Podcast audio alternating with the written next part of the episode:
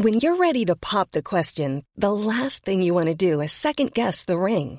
At Bluenile.com, you can design a one of a kind ring with the ease and convenience of shopping online. Choose your diamond and setting. When you find the one, you'll get it delivered right to your door. Go to Bluenile.com and use promo code LISTEN to get $50 off your purchase of $500 or more. That's code LISTEN at Bluenile.com for $50 off your purchase. Bluenile.com code LISTEN.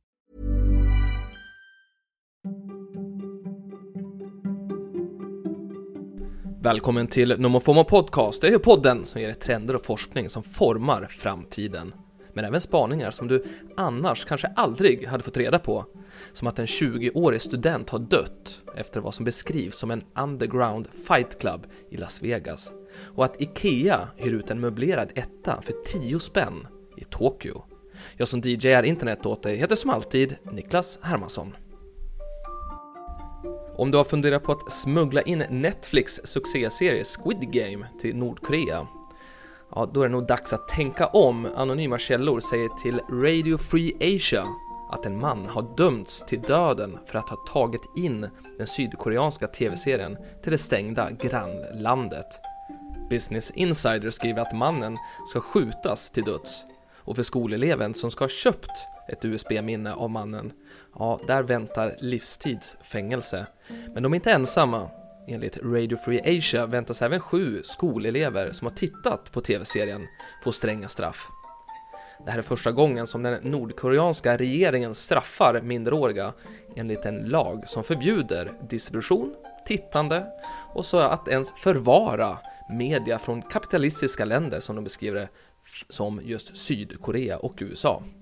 Samma regler gäller dock inte för alla. Enligt en källa kom en av eleverna undan för att hen hade rika föräldrar som betalade muta på närmare 30 000 kronor. Att den nordkoreanska regeringen inte gillar Squid Game, ja det är knappast förvånande. Förra månaden uppgav en statlig nordkoreansk propagandasajt att Netflix-dramat belyste hur Sydkorea var en plats där, inom citationstecken då, korruption och omoraliska kriminella är vardagsmat. Den nordkoreanska regeringen lär inte heller vara helt nöjd med att en av seriens karaktärer är en nordkoreansk avhoppare som berättar om sin dramatiska flykt därifrån.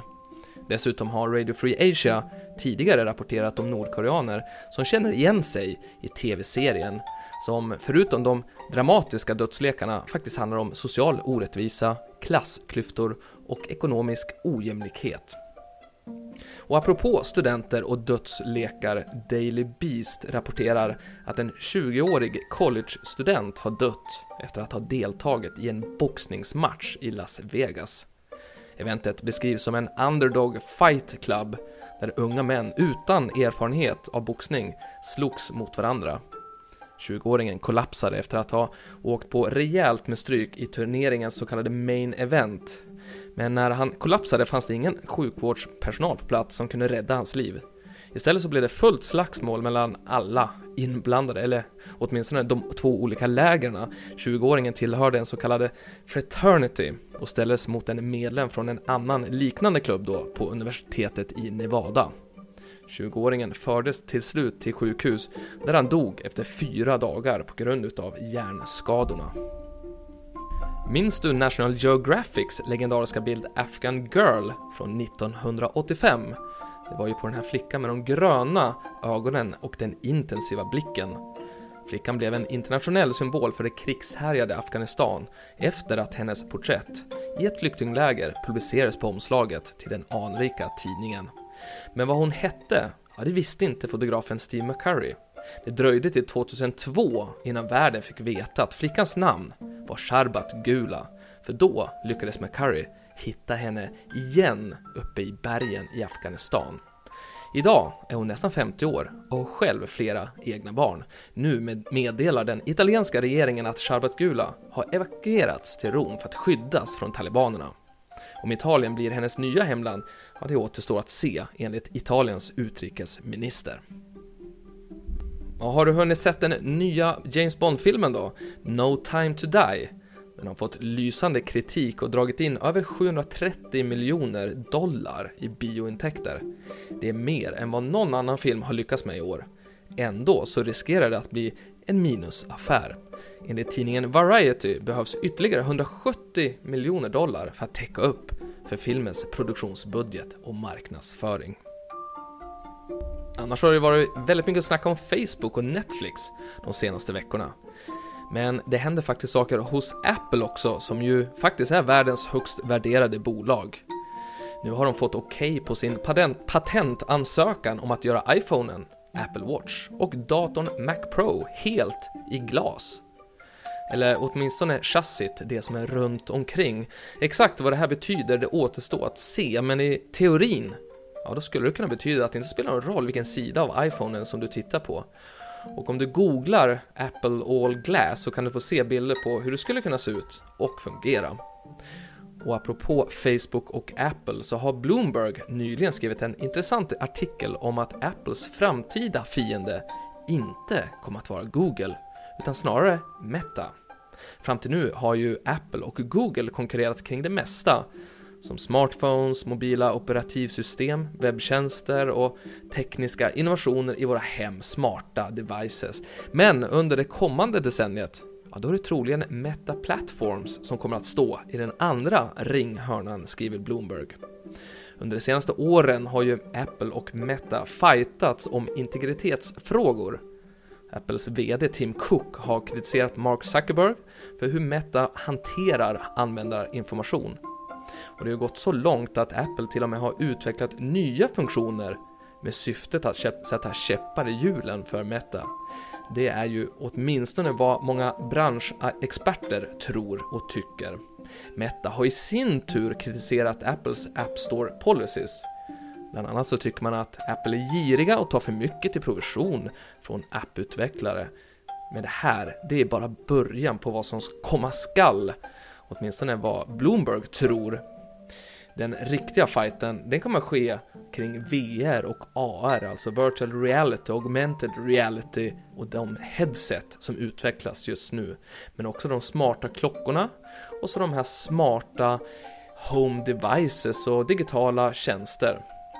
Och framförallt hur de ser sig själva och hur de positionerar sig själva i den kommande metaverse. Det är ju knappast någon hemlighet att Mark Zuckerberg är lite sur fortfarande kanske för att man missade hela smartphone-racet som ju Apple vann med sin iPhone. Amazon gjorde ju samma sak, de floppade ju med sin Fire Phone. Meta, de försöker hitta ett nytt område som de kan äga och därför så köpte man ju 2014 Oculus VR-bolaget för 2 miljarder dollar. Och nu så står vi inför en riktig fight kring just de här headsetsen som eh, väntas vara en liksom mixed reality, både AR och VR. Båda ska komma ut med nya, Apples kommer att vara lite dyrare, ligga någonstans kring ungefär 20 000 kronor och Metas vändas vara lite billigare. Vi får se vart det där slutar. Och innan vi släpper Apple så vill jag lyfta att till och med Tim Cook tycker att vi använder hans iPhone alldeles för mycket. Åtminstone till att doomscrolla och konsumera innehåll som gör oss upprörda. Ja, det är inte Tim Cook som använder ordet doomscrolla, jag gillar det själv, men den 61-årige VDn säger till CNBC att han tror att det här menlösa scrollbeteendet är skadligt för vår mentala hälsa och människor i vår omgivning. Och enligt obekräftade källor så rekommenderar han därför att alla att lyssna på Nomofon Podcast som ju endast ger dig guldkornen i nyhetsflödet. Spaningar och samtalsämnen som faktiskt betyder någonting. Och det tackar vi Tim för. Och nu så ska vi åka vidare till Tokyo där IKEA hyr ut en lägenhet för knappt 10 spänn per månad. Lägenheten är bara 10 kvadratmeter stor, men den är optimerad med IKEA-möbler som gör att man både kan jobba och sova där. Och jag har sett bilderna och det ser faktiskt supermysigt ut.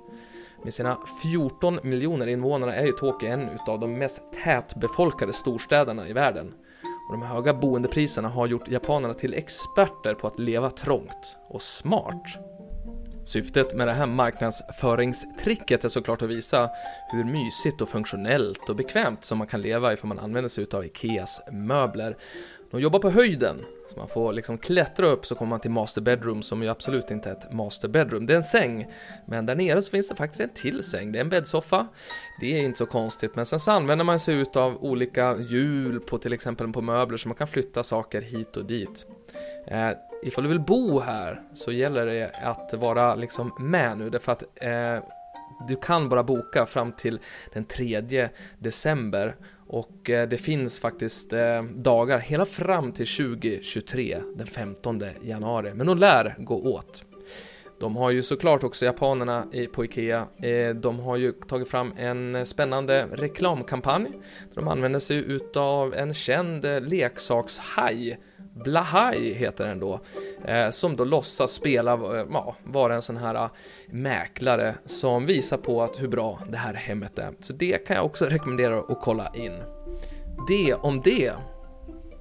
Och slutligen så vill jag tipsa om ett nytt svenskt nyhetsbrev Henrik Sjödin jobbar till vardags med analys och rådgivning inom marknadsföring på Kestam Holst, NOA. Men han är även Sveriges marknadsförbunds rådgivare inom konsumentbeteende och kundinsikt. Nu så har han dragit igång nyhetsbrevet Veckans konsumentbeteende på LinkedIn där han listar fem aktuella spaningar på temat människor, beteendepåverkan och kundinsikt. Och det är faktiskt mycket mer intressant än vad det kanske låter. Eh, det här brevet, första, skickades ut idag och här är tre saker som jag faktiskt lärde mig. Genomsnittssvensken köper frukt för 31 kronor i veckan. Och det är faktiskt bananer som vi lägger mest pengar på ja, långt detta här verkar det som. Och sen så fullt av äpplen och sen så stenfrukter. Då kan man undra, vad är stenfrukter då? Jo men det är ju persika, nektarin och plommon och sådana där, ja, lite mer äckliga grejer då. Och sen så har vi godis, ja det köper vi för 45 kronor per vecka. Och källan här, det är SCB. Sen kan man ju undra också, hur är det egentligen med hållbarheten med att när vi håller på och handlar eh, på nätet? Eh, hur mycket skickar vi tillbaks och så vidare? Ja, I tredje kvartalet var det 14% av de som handlat något de senaste 30 dagarna som också hade gjort en retur, berättar Henrik Sjödin och eh, källan är Postnords e-barometern. Och slutligen så undrar man ju såklart hur gick det egentligen med kommersen på årets Black Friday? Och Henrik skriver att det är fortfarande lite oklart. Eh, hittills har vi bara statistik för e-handeln och och eh, då går ju liksom siffrorna isär här för det är olika betalbolag. Svea Ekonomi, de säger att det är plus 4% för själva fredagen, men plus 8% för hela veckan. Eh, medans Nets då menar att fredagsomsättningen den sjönk med nästan 12% medan vecka som helhet ökade med lilla, lilla 1%. Det lärde vi oss idag och eh, med det så säger jag hej då. Det var faktiskt allt för idag. Tipsa gärna dina vänner om de har fått en podcast. Det finns ju trots allt ingen annan podd som bjuder på fler conversation starters. Åtminstone om man ska tro den ytterst erfarne poddaren och mediemannen Pelle Estborn. På måndag, då är jag tillbaka med tio nya fascinerande spaningar. Vi hörs då.